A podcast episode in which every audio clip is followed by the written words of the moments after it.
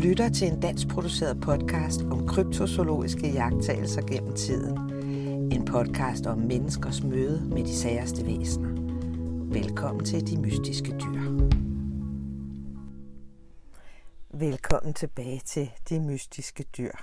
I dette afsnit 15 skal det handle mere om søslanger, for de bugter sig til synladende mange steder på næsten alle kontinenter. Går vi til England, finder vi også en søslange. Morgård er Englands svar på Nessie. Den lever efter sigende i Falmouth Bay i Cornwall og er ifølge øjenvidende beskrivelser et dyr, der minder meget om de andre, men kun omkring 6 meter lang. Der har været en del øjenvidende beskrivelser og et enkelt foto der siges at vise Morgård. Men også denne søslange har været meget omdiskuteret, og nogen mener lige frem, at den måske er opfundet af det lokale turistkontor, der har skælet lidt til de indtægter, som Skotland nyder så godt af. Men her, som så mange andre steder, er der hvert år en del, der faktisk påstår, at de har set noget derude i søen. En mand ved navn Torkill MacLeod blev så betaget af historierne om Morgård, at han tog på sin egen private søslange ekspedition i 1960 og havde ifølge ham selv held med at få et glemt af dyret. Han beskriver, hvordan han så en grå, spadeformet finde i vandoverfladen og i et glimt af resten af dyret. Han fortæller, at han var rystet over den størrelse, som han beskrev til at være 12-18 meter lang, hvilket altså er noget mere end andre observationer. Men den store søslange feber opstod for alvor i februar 1976, hvor en kvinde, der kun kendes som Mary F., fik et meget berømt billede af Morgård. Hun sendte anonymt til den lokale avis Falmouth Packet, som straks bragte det på forsiden sammen med kvindens beskrivelse af, hvad hun havde set. Det lignede en elefant, der viftede med sin snabel, forklarede hun i sit brev til redaktionen. Men snablen var en lang hals med et lille hoved for enden, ligesom et slangehoved – det havde pukler på ryggen, der bevægede sig på en mærkelig måde. Farven var sort eller mørkebrun, og skinnet lignede en sæls. Dyret forskrækkede mig. Jeg havde bestemt ikke lyst til at se det tættere på, end jeg gjorde. Jeg brød mig ikke om den måde, hovedet bevægede sig på, når det svømmede. Hun mente selv, at dyret var omkring 4,5 til 5,5 meter langt og fortalte, at det kun var synligt i få sekunder. Hun undskyldte i øvrigt for den dårlige billedkvalitet, men som hun forklarede i sit medfølgende brev, havde hun taget billederne meget hurtigt efter hinanden og havde haft solen i øjnene. Selvom det berømte billede virkelig er af en meget ringe kvalitet, og at fotografen har meget ret i, at det ligner noget fra en elefant, må det siges at være et af de hidtil bedste beviser for Morgårds eksistens. Senere så forfatteren Sheila Bird sammen med sin bror Morgård den 10. juli 1985 fra en klippe vest for Port Cacho. Hun beskrev den med et lille hoved og en puklet hale lige så lang som halsen. Den var 6 meter og grå og knudret med muskuløse pukler eller fremspring to steder foran. Søslangen svømmede med løftet hoved og havde, hvad hun kaldte, svaneagtige bevægelser. Hun ventede i øvrigt en rumtid med at offentliggøre sin jagttagelse, da hun stod foran og skulle udgive en bog, og ikke ønskede, at de to ting skulle blive blandet sammen i markedsføringsøje med. troldmanden og tryllekunstneren Anthony Shields, som vi også husker fra hans berømte eller berygtede billede af Nessie, var så heldig at se Morgård i Hereford River. Han mener, at han med sine okulte evner formåede at mane den frem ved magi. Han havde i øvrigt en forbløffende evne til at se søslanger alle vegne, og fik naturligvis også øh, et billede ved den lejlighed. Men som kendt showman, og når det så samtidig tilføjes, at han også var så heldig at få et billede af Nessie året efter, må vi nok tillade os at tvivle lidt på værdien af hans bevis. Calvin Booth, som er forfatter og marinbiolog, tror absolut ikke på dens eksistens. Han siger, at det hele enten er opspændt, eller at folk har set et ganske almindeligt dyr, som de så har forvekslet.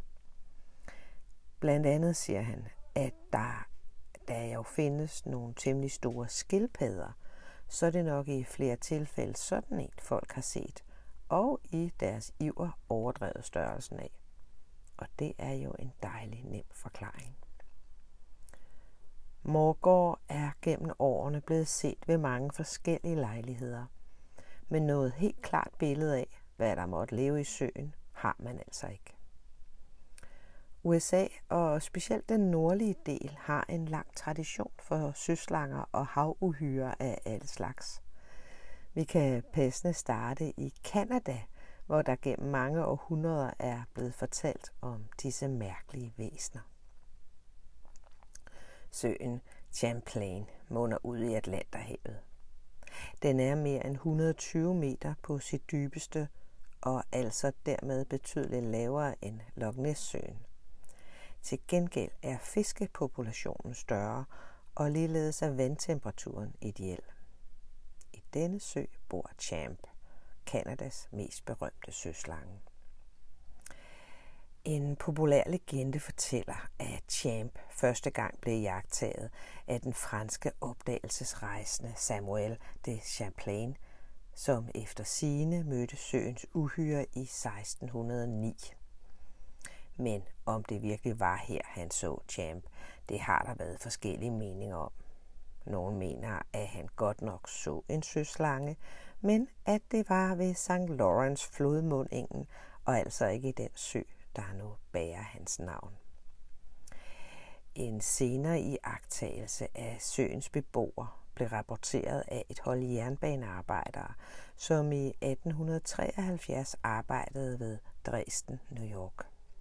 Her går historien, at de så hovedet af et enormt dyr, der stak op af vandet og langsomt svømmede hen imod dem fra den modsatte bred. I kølvandet på den jagttagelse rapporterede flere farmere om forsvundet kvæg og om mærkelige fodspor på søbredden. Formodentlig forbandt man dengang de to ting med hinanden. Samme år, som den var blevet set af jernbanearbejderne, så udlovede den verdensberømte cirkusdirektør og entertainer P.T. Barnum en dusør på 50.000 dollars til enhver, der kunne skaffe ham et eksemplar af denne søslange. Det var en stor sum i 1873. Barnum kom nu heller ikke af med pengene, men jagttagelserne fortsatte ufortrødent. I 1883 så Nathan Money, sheriffen i Clinton County, en enorm slange på mellem 7,5 og 9 meter, som rejste sin lange, kurvede hals op ad vandet. I 1899 fortalte en gruppe fiskere om et mærkeligt dyr, de havde set kravle op på bredden. Og i 1945 påstod en mand at have fanget en 42 cm lang søslange unge.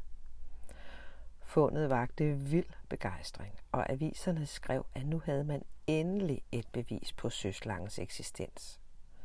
Men noget tydede efterfølgende på, at han nok nærmere havde fanget en salamander. I 1977 begyndte der dog for alvor at komme gang i sagerne. en kvinde ved navn Sandra Mancy, ferierede i Vermont nær den kanadiske kyst. Her så hun og hendes mand noget, der lignede hoved og hals af et stort dyr.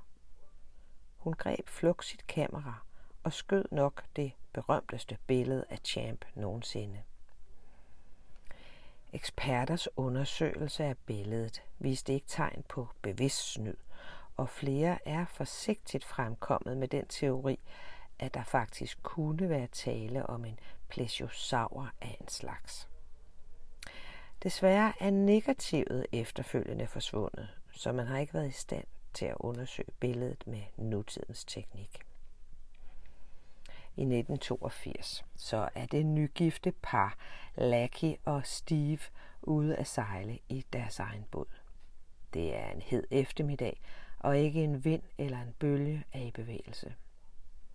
Pludselig brød noget vandoverfladen og fik dem begge til at stige.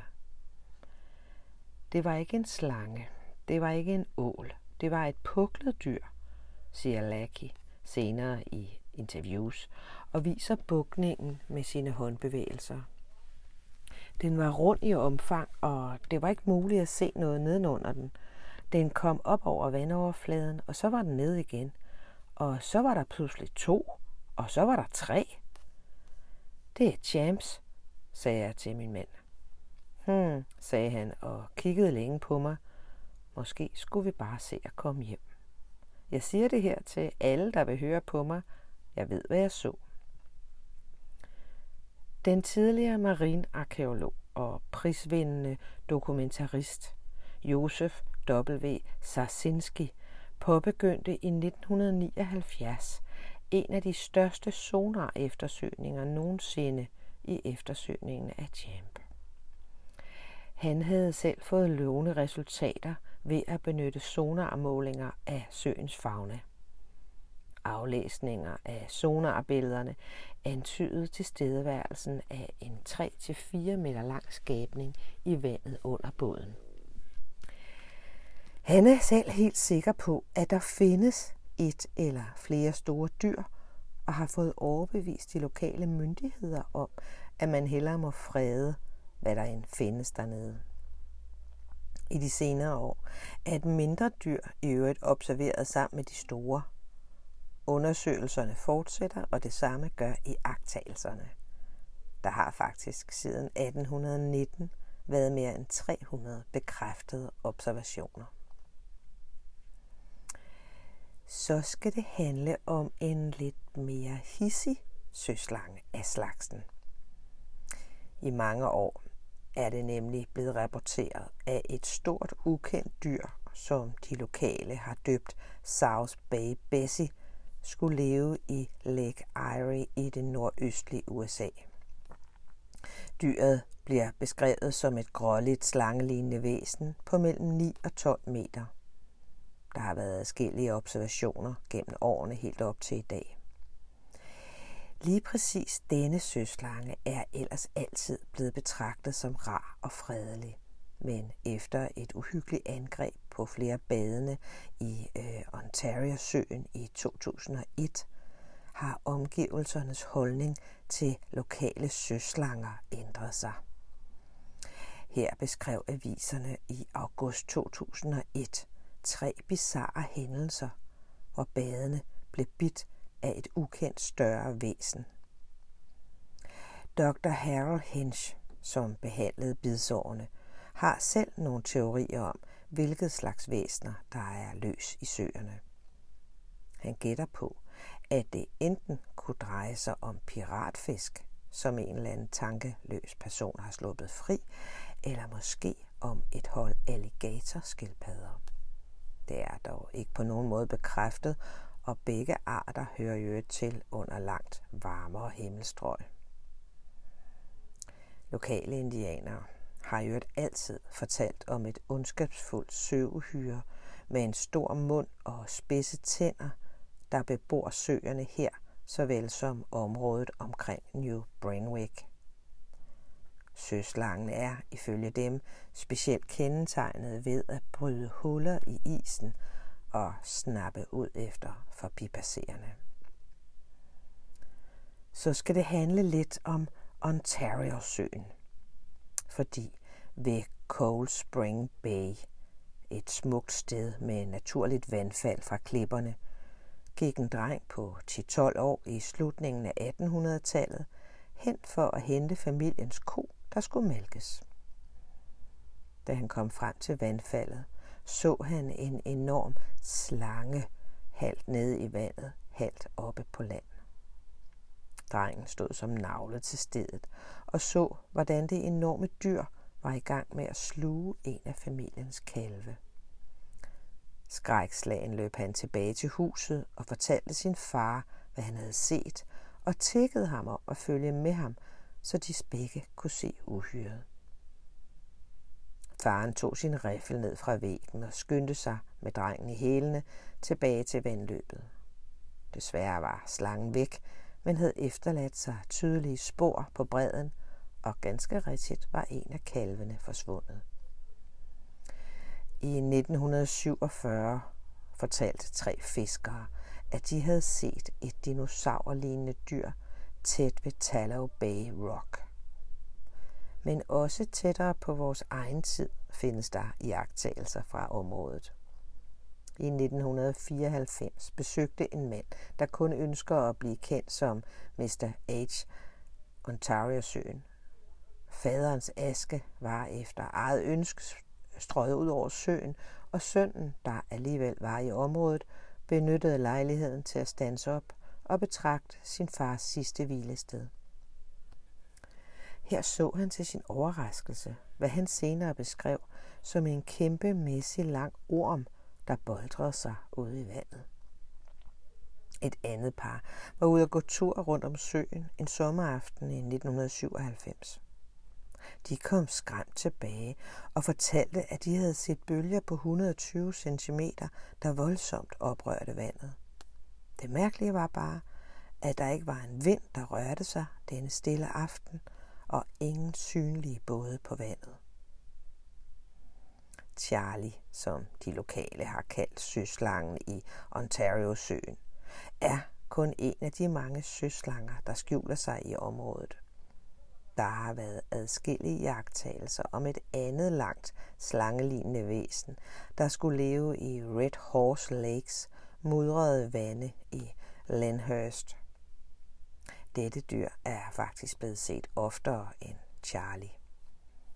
Denne udgave skulle efter sigende være grønligt eller sort og have et hoved som en hest med små næsebor og være omkring 18-24 meter langt.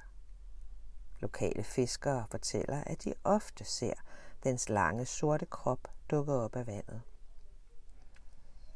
I midten af 1970'erne så fik en kvindelig beboer så noget af en grim overraskelse, da hun var på jagt i denne sø efter frøer til sin havedam. Hun fik øje på en stor frø og lænede sig ud over reglingen på sin lille robåd for at gribe efter den. Da hun lagde hånden omkring, hvad hun troede var spidsen af frøens hoved, tårnede et mærkeligt monster så pludselig op foran hende og så hende direkte ind i øjnene. Kvinden skreg i rædsel og fløj tilbage i båden.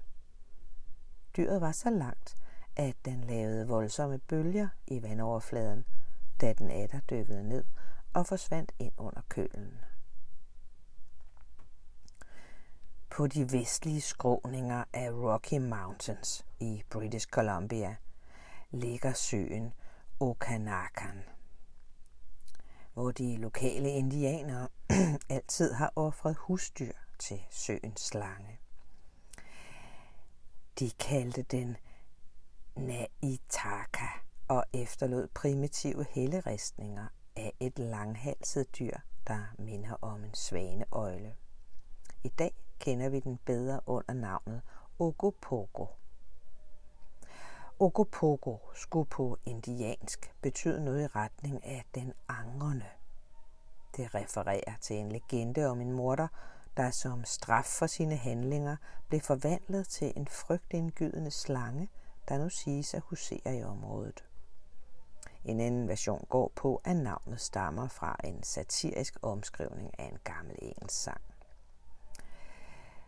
De første jagttagelser af Ogopogo daterer sig til 1860, hvor området blev koloniseret af tilrejsende efterkommere fra Europa.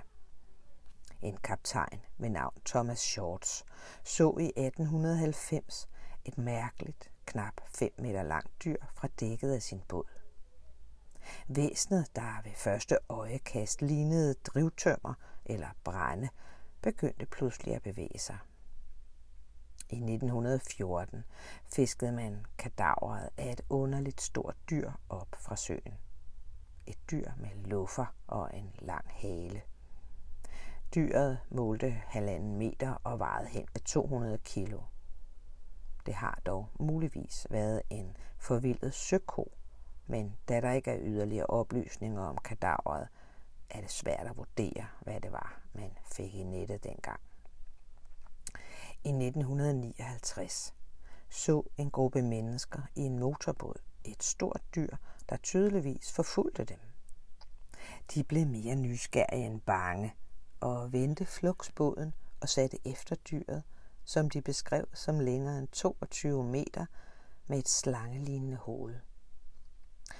Dyret, der åbenbart ikke brød sig om selv at blive forfulgt, dykkede hurtigt ned under vandoverfladen og forsvandt ud af syne. En lignende hændelse skulle faktisk have fundet sted i 1968, hvor en gruppe løsfiskere jagtede søslangen, dog uden at være i stand til at holde trit med den. Samme år, 1968, så opsnappede en mand ved navn Arthur Folden en lille 8 mm film af søslangen. Filmen viser en mærkelig skabning mellem 15 og 20 meter lang, der hurtigt dykker. Nogen mener, at man på filmen kan se både hoved og hals på dyret sammen med en puklet ryg. Af frygt for at blive almindelig til grin, så valgte Folden øvrigt at beholde filmen for sig selv to år frem til 1970, da han om sider overgav den til den lokale borgmester. Naturligvis vagte filmen voldsom furore, men ikke mange troede på dens autenticitet, og folken blev så vred og skuffet, at han trak både film og sig selv tilbage fra omverdenen og afviste enhver yderligere undersøgelse af filmstumpen. Gennem årene er der både taget billeder og indrapporteret mange jagttagelser. Så sent som i 2018 kommer der tre beretninger, der alle fortæller om et slangelignende væsen på omkring 15 meter. I Kanadas store sø, Manitoba, kender man også til beretninger om dyr, der egentlig slet ikke burde være til stede. De første historier daterer sig tilbage til 1918, og i 1957 fik søslangen så sit officielle navn, Manipogo. Ogopogo og Manipogo minder meget om hinanden af udseende. De er begge lange og smalle med pukler på ryggen. I 1957 så de to mænd, Louis Belcher og Eddie Nepanik, et kæmpe stort slangelignende væsen svømme tværs over søen. Efter adskillige andre øjenvidende beretninger besluttede man sig fra officielt hold til at indlede en eftersøgning af det monster, som man efterhånden ikke helt kunne udelukke faktisk beboede den store sø. Denne eftersøgning, som desværre ikke gav noget overbevisende resultat, blev efterfyldt af en ny i 1960, som desværre heller ikke gav det ønskede resultat. Men observationerne blev ved med at strømme ind. I 1962 så kom det første billede. De to fiskere, Richard Vincent og John Cohnfell, tog et foto af det, de mente måtte være Manipogo. Dyret blev beskrevet som en lang, mørk slange af form som en ål med omkring 3,5 meter af kroppen over vandspejlet. Desværre fik de ikke set dyrets hoved, men kun den bugtede ryg. De forfulgte længe Manipogo gennem vandet i håb om at fange den og få den ombord, men måtte snart erkende, at dyret var betydeligt hurtigere, end deres båd kunne hamle op med. Billedet de to tog den dag på søen er naturligvis blevet genstand for en hel del debat. Men nogle er dog blevet overbevist efter at have set billedet. Det gælder blandt andet zoologen James A. McLeod fra Manitoba University, som på ingen måde vil udelukke, at der kunne være tale om den berømte søslange. Hvis ikke det billede viser søslangen, så ved jeg knæme ikke, hvad det så skal forestille, udtalte han til den lokale avis. Gennem årene er en del yderligere iagttagelser kommet til. Blandt andet i 1997, hvor en flok gæster på en campingplads får øje på et sært reptillignende væsen ude i vandet, der stikker sin lange hals op. Kun én gang ses et egentligt hoved. Badene evakueres skyndsomt, da man jo ikke aner, hvad man kigger på, om det kunne være farligt. Iagtagelsen blev senere afvist som helt umulig, det som vidnerne påstod at have set. At det nok nærmere var en stor gren, alle øjenvidnerne havde set og misforstået. Men der var ingen grene at se, påstår dem, der så søslangen den dag. I 2004 indrapporterer en temmelig chokeret fisker om at se sine net blive flået i stykker af et stort dyr, der enten minder om en haj eller måske en spækhugger, men er ingen af delene. De sørgelige rester af sin fangst finder han halveret som af syle skarpe tænder. 2009 fortæller indbyggerne fra Twin Lakes Beach om jagttagelsen af en række pukler længere ude på søen. Desværre blev der ikke taget billeder. Samme oplevelse får nogle sikkerhedsvagter, der patruljerede søen i 2011. Også de får øje på sære pukler, der bryder vandoverfladen, som fra et stort dyr lige nedenunder. Tak fordi du lyttede med i dag. Husk at tjekke Facebook-siden De Mystiske Dyr, hvor der er mere om emnet kryptozoologiske mysterier. På genhør næste gang, så skal det handle om flere søslanger i Kanada, og også om dem i Kina, og så selvfølgelig den berømte opskyllede, ja hvad var det det var, fra Ægypten. Det mærkværdige kæmpemæssige dyr – med de store, de lange, valroslignende stødtænder. Ja, det ved man stadig ikke ret meget om. Det blev skyllet op på en strand i Ataka i Ægypten efter en hård tre-dages storm i 1950. Mere om verdens mest mystiske vandvæsner allerede i næste uge. Du har lyttet til podcasten De Mystiske Dyr.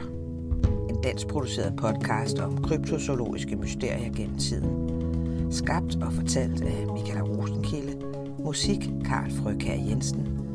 Jeg håber, at du har lyst til at lytte med igen næste gang.